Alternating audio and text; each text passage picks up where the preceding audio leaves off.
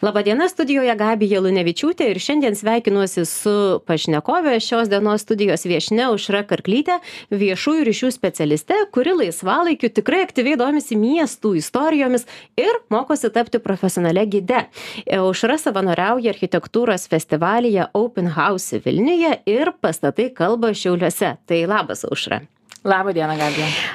Aušra, jūs pati esate, na, bent jau buvote žurnalistė, esate baigusi žurnalistikos mokslus.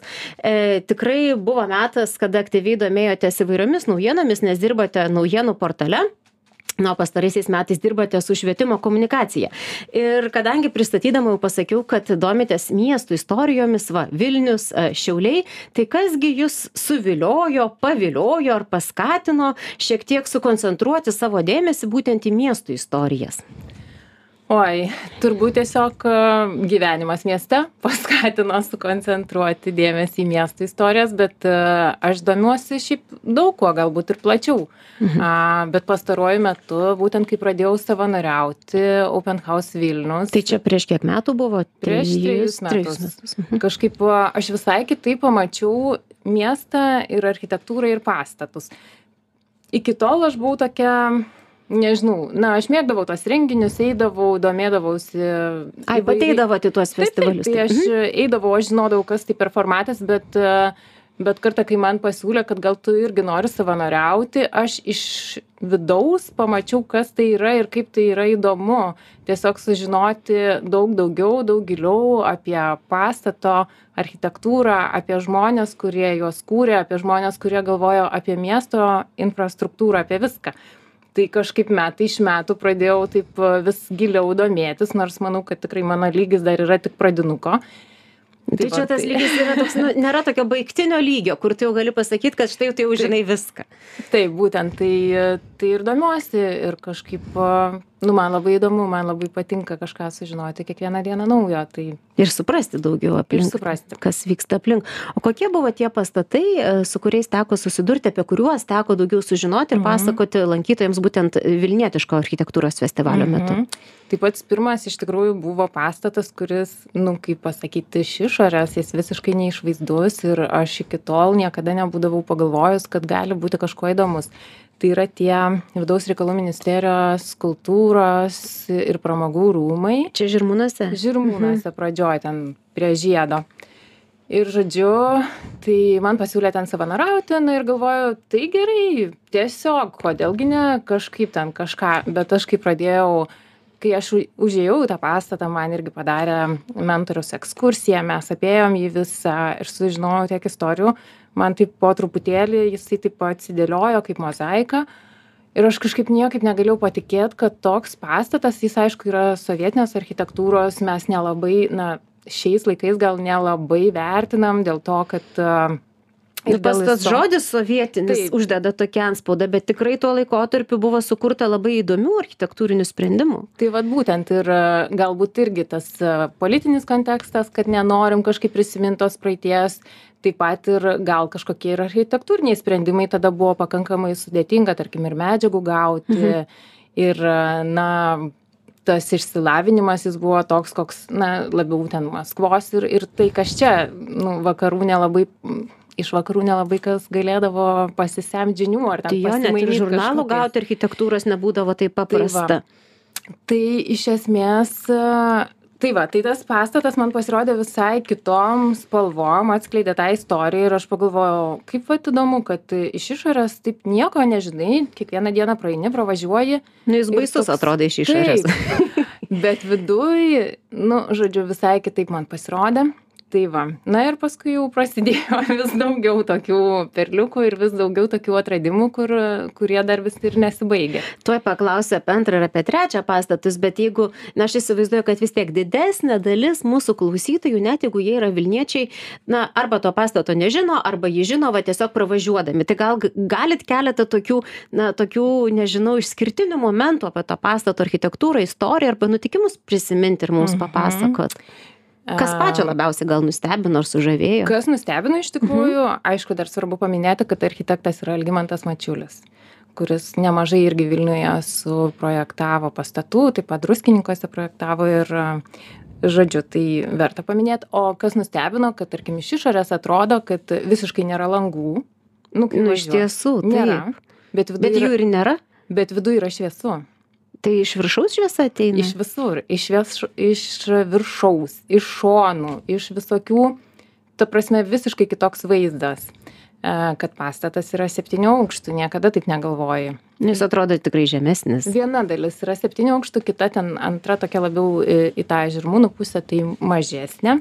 Bet nu negali įsivaizduoti kad ten yra septyni aukštai ten yra septyni aukštai nu tai va tai tokie. Apgaulingas labai žiūrima tai viena kažkokį nelabai aukštą pilką ir be langų be langų statinį kažkokį kubą. Va tas ir atrodo kad jisai be langų nu tai ten taip tamsu turėtų būt arba tokios didelės elektros sąnaudos arba kažkas ten. Nu tai žodžiu tai va tokių apgaulingų momentų kur atrodo oho kaip architektas sugalvojo kaip jis taip nes iš išorės nu tikrai vat gal architektai mato kitaip aš nesu architektė tai man tiesiog taip atrodydavo nu tikrai nesąmonė kažkoks pastatas ne nesąmonė negali taip būt. Ką kam koks jo funkcionalumas bet labai gerai funkciškai buvo pritaikytas tiem laikam mhm.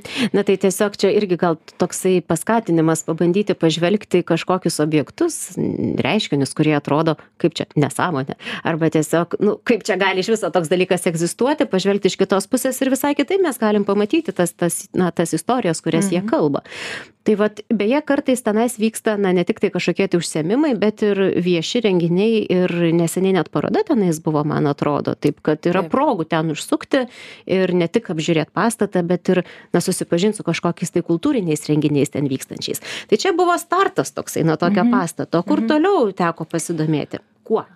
Toliau buvo naujamiesčio maršrutas. Tai vat teko patyrinėti labiau naujamiestį kuriame iš tikrųjų vat ir dirbu ir labai dažnai būnu apskritai tai e, ten per kelis pastatus mes ėjome bet mhm. labiau į eksterjerą žiūrėjom dėl to kad buvo covid pandemija ir nenorėjome labai būriuotis viduje. Tai taip. Tai ten apskritai įvairių laikotarpių buvo pradedant nuo ten devyniolikto amžiaus pabaigos dvidešimto pradžios ir užbaigiant tarkim santuokų rūmais arba kazimiero žoromskio namais muziejum bet ten tai įspūdingas yra reiškinys apie kurį nežino žmonės. nežino nu, santuokų rūmus žino. Taip, taip. bet vat žoromskio muziejaus nežino. O ten galima taip paprastai ateit ir ten reik pasiskambinti. Um, nesu tikra dėl to kad gyvena dar žoromskio žmona, žmona tai man atrodo kad galbūt reikėtų kažkaip pasiskambinti. Jo, jei pasiskambinus, ten galima Taip. ateiti ir tikrai įspūdis na, garantuotas, jeigu pavyks patekti į jeigu pavyks patekti į vidų. Mhm, bet geriausia, tai jeigu vyksta open house, tai tada per open house patekti, nes tada tikrai jau visas tas savaitgalis, kai vyksta, tai galima laisvai užeiti ir, ir dar ekskursiją to pačiu turėti. Jo, nes labai dažnai būna taip, kad tu žiūri ir tu ką gali pasakyti, gražu, negražu, keista, nekeista, tamsu, šviesu ar panašiai, bet tu nelabai supranti, apie ką yra tas pastatas ir kokia yra jo istorija. Tai va čia toks, pažiūrėjau, pastaruoju metu aš nebeinu į muziejus ar į kažkokius, na, tokias va vietas be gido, nes aš tiesiog nesuprantu. Mhm. Nu, matau ir nieko negaliu pasakyti, išskyrus man gražu gražu ar negražu. Mhm. Tai čia tikrai toks labai na, paskatinimas. A, ir dabar čia mes prieš laidą išnektelėjom, kur dabar jūs dirbate, kokioje vietoje. Tai yra tokia labai žavi gatvelė, labai žavaus pavadinimo gatvė. Na, naujamestė, kaip pat ir sakėte, rožių alėja. Taip. Ir ten tikrai yra, nu, vat atidesnis vaikštinėtojas po miestą tikrai yra atkreipęs dėmesį ir gatvės pavadinimą. Ir ten labai įdomų pastatą. Na ir aš nelabai žinojau daug apie to pastato istoriją bet prieš laidą šnektelėjom ir aušra truputį įdomių labai dalykų papasakojot apie tą pastatą. Taip tik ten iš viso kiek pastatų yra toje gatvėje?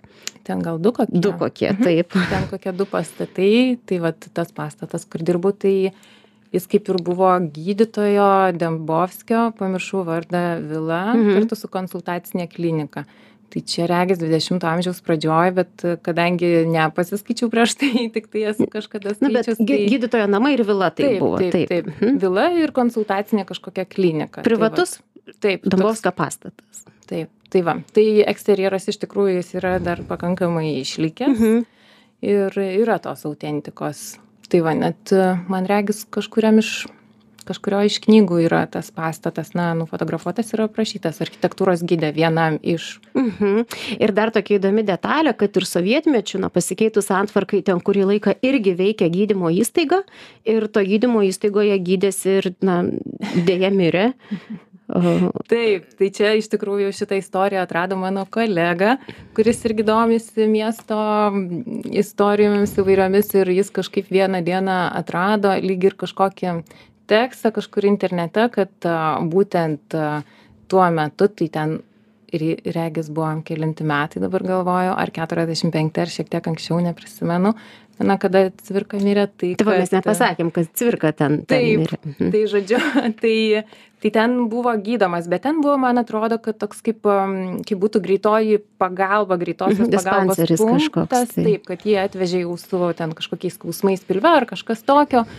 Ir kad vat jis ten. Ir tada labai aišku, kodėl tas cvirkos paminklas buvo taip šalia, turbūt. Mhm. Nu, kažkaip labai susisieję, nes aš nežinau, aš iš pradžių nesuprasdavau, kodėl būtent šitam skverelėje buvo. Tai dabar gal ir aišku. Gal dėl Bet to. gal nebūtinai dėl to, kad jis netoliese gydėsi, gal tiesiog buvo tokia tuščia miesto erdvė ir... Nu, gali būti, bet irgi simbolika. Tai Ir simboliškai susisieja.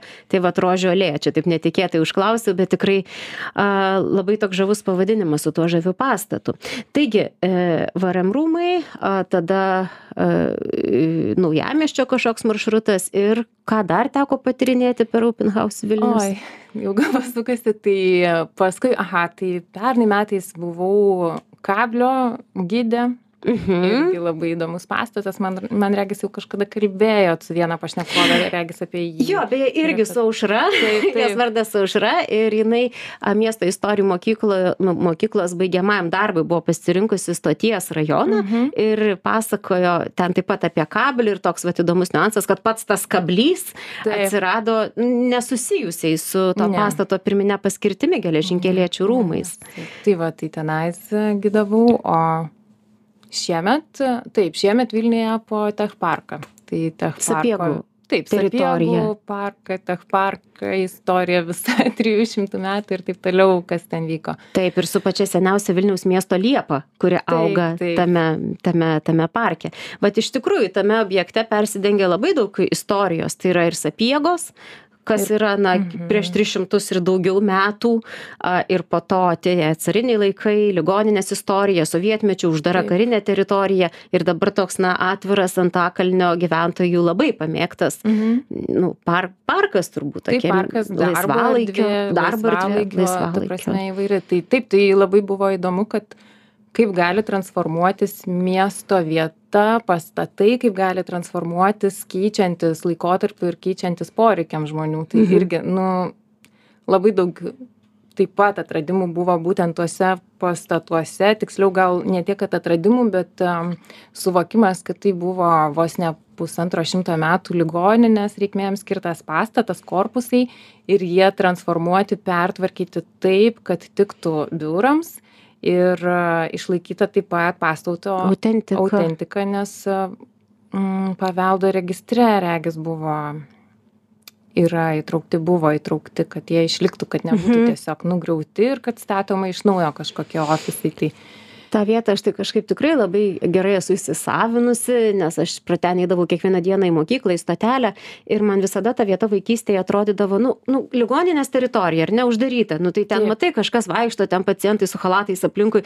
bet niekada į galvą neateidavo kad ten galima užeiti pasivaikščiot nu ir to noro gal nelabai yra vaikščiot po ligoninės parką. O dabar gimtadieniai švenčiami a šventės kažkokie tai restoranai a fotosesijos vaikų kažkokie tai užsiėmimai na tikrai tokia be galo mm, labai pasikeitusi vieta ir visai kitas jausmas emocinis fonas yra einant einant per ją ir Aha. nepraėjo ne dešimt metų, kai tai įvyko tiesiog, nes aš dar man atrodo. penkioliktais metais buvo ten iš ten iškelta ligoninė tai Taip, va Tai dar ir aš, man atrodo, prisimenu tą teritoriją irgi, kaip jūs sako, tokia visiškai nejauki, kur tikrai nenori eit pasivaikščioti, nes toksai net, nu, ta atmosfera visa tokia jauti, toksai, nežinau. Nu, ligoninė. Taip, taip, ir atrodo, kad kas nors gal stebi tave pro langus, ne, aišku, tu vaikštai.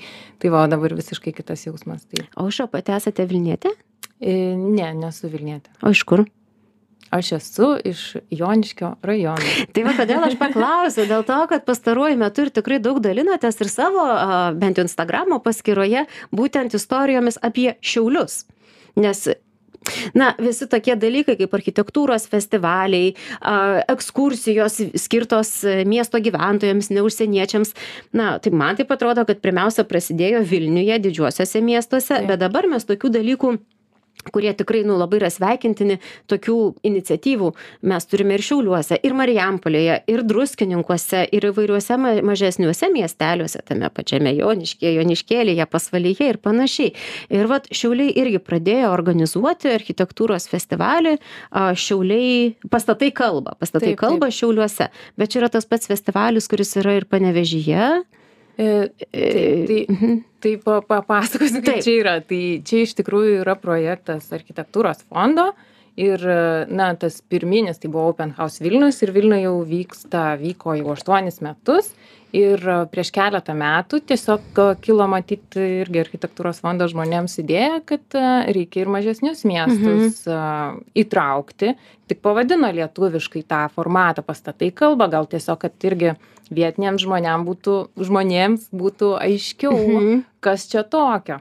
Tai a, buvo pirmas regis panevežyje, tas pirmas toksai išėjimas iš, didžio, iš sostinės į mažesnį kažkokį miestą, tada buvo palangoje ir dabar buvo šiauliuose. Tai a, kitais metais druskininkuose. Va, tai va, tai va ir, ke, ir keliausim.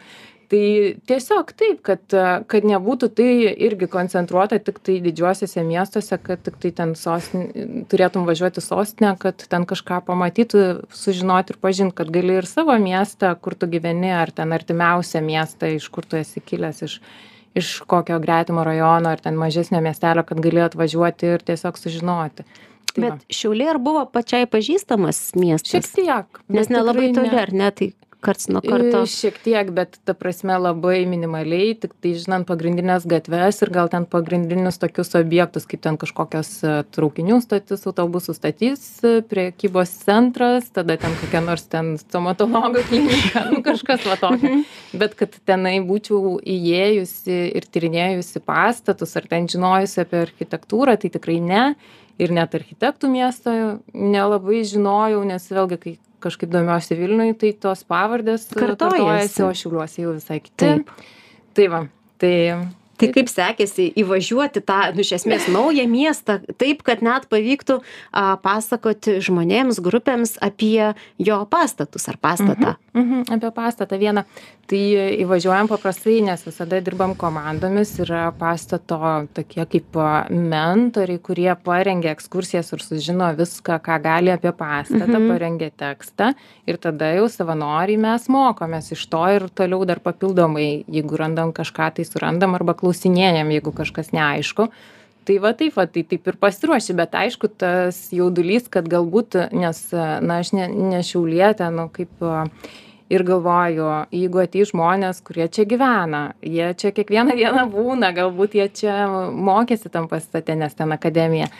Kokia akademija? E, Buvęs Šiaulių universitetas, Mhm. dabar vadinasi Šiaulių akademija, Mm. nes priklauso Vilniaus universitetui. Tai, tai jie čia mokėsi, jie čia žino, jie čia viską veikia, nu, Bet tai čia nereikia ko bijoti, čia yra nuostabu, nes jie papildys tik tai bet, bet pasakojimą. vis tiek tas toks, tai iš pradžių galvoji, nu nežinau, bet viskas gerai buvo, taip ir buvo, kad tai šiek tiek ir papildymų gavome, tokių visiškai. Asmeninių.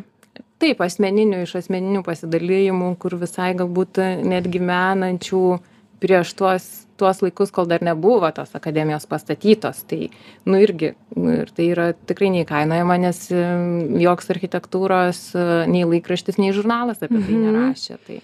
Man tai irgi ekskursijose vienas iš tokių įdomesnių dalykų, nes, na ką, nu tekstas.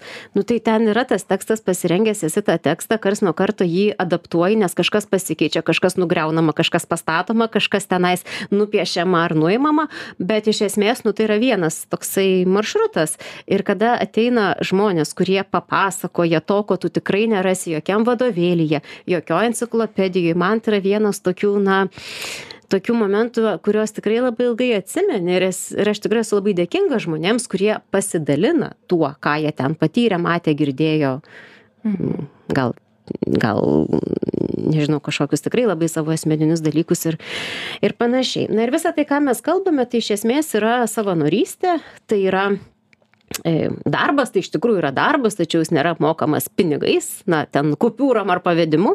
A, tačiau na man taip atrodo kad mes visi ką nors darydami tikimės atlygio. Aš nekalbu apie pinigus bet kokio nors atlygio.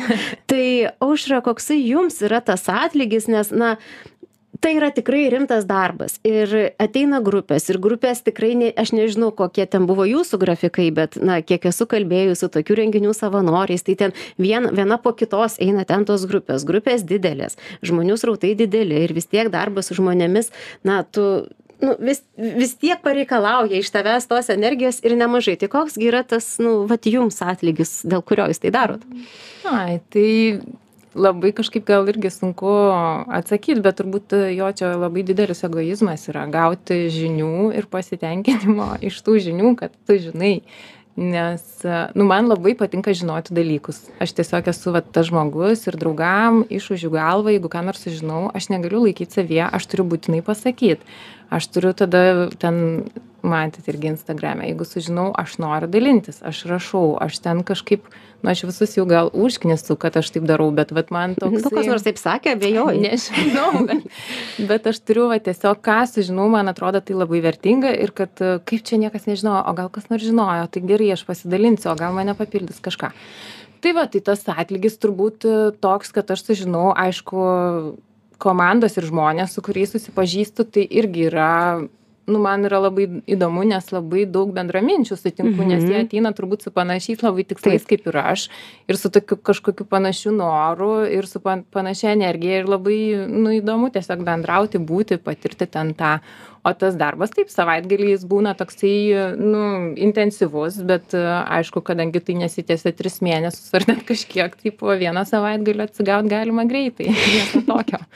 Tai toks egoizmas. Malonus egoizmas. Na ir tikrai po tokių savanoriavimo pabandymų jūs ryžotės nu tokiam mano galva nu dideliam žingsniui tapti profesionalia gide. Aš nežinau ar jūs norite keisti tą profesiją ar nenorite bet na viena yra savanoriauti kita yra iš tikrųjų na aštuoni mėnesiai intensyvių mokymų ką mes darome miesto istorijų mokykloje kas tikrai yra labai įdomu bet tikrai niekam negarantavau kad bus paprasta labai nes tikrai reikia įdėt šiek tiek tų pastangų. Ir ir ir ir kas čia link to žingsnio jus nuvedė? E, tai galbūt vat irgi tas savanoriavimas renginiuose ir kad aš galėčiau jaustis tvirčiau ir dažniausiai nu visada prisistatau aš esu jūsų gidė savanorė. Mhm. Dabar galėsiu galbūt sakyti esu gidė ir ne savanorė bet profesionali gidė tai pažiūrėsim kas iš to išeis. Aš aš iš tikrųjų man patinka mokytis ir čia nemanau kad paskutiniai gal mano mokslai bet dabar kažkaip noriu pasimokyti to gidavimo meno ir galvoju kad gal man tiesiog bus lengviau ir pačiai įdomiau. Aš dar nežinau ar aš iš tikrųjų tapsiu ir aš nežinojau. ta gidė kuri ten kiekvieną dieną veda ekskursijas ir taip toliau. Aš kažkaip nu neturiu tokio užsibrėžto tikslo bet kad aš laisvalaikiu kartą per pusę metų galėsiu padaryt ekskursiją draugam kuriem dar neatsibodau.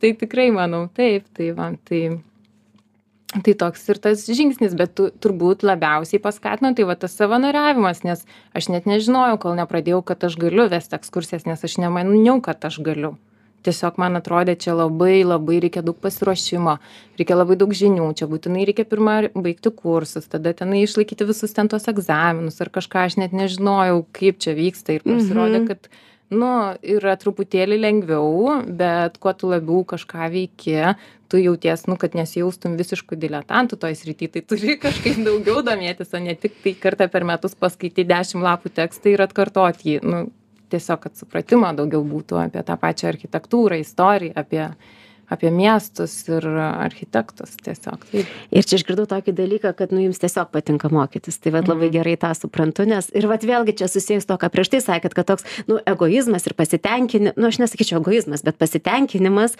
kad tu žinai ir kad dar gali kitam kažką tai pasakyt ir kad jam yra smagu girdėti tuos dalykus kuriuos tu žinai. Tai vat na labai panašiai šitoj vietoj mes galvojam ir man atrodo kad dauguma bent jau na tų kurie mėgsta pasakot istorijas kas apie miestą kas apie meną kas apie architektūrą nu tikrai jaučiasi labai panašiai dėl to tai ir daro.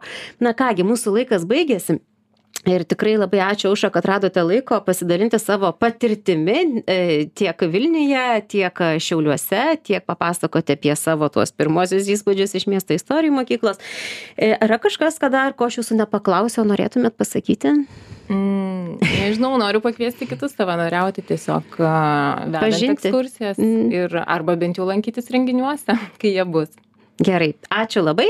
O klausytojams primenu kad kalbėjomės su komunikacijos specialiste architektūrinių festivalių savanore nu ir turbūt būtų galima sakyt būsima gide a aušra karklyte su jumis bendravau aš gabija lunevičiūtė iki kitų susitikimų. Tuo pačiu metu kitą savaitę miesto gatvėmis miesto gatvėse arba miesto istorijų mokykloje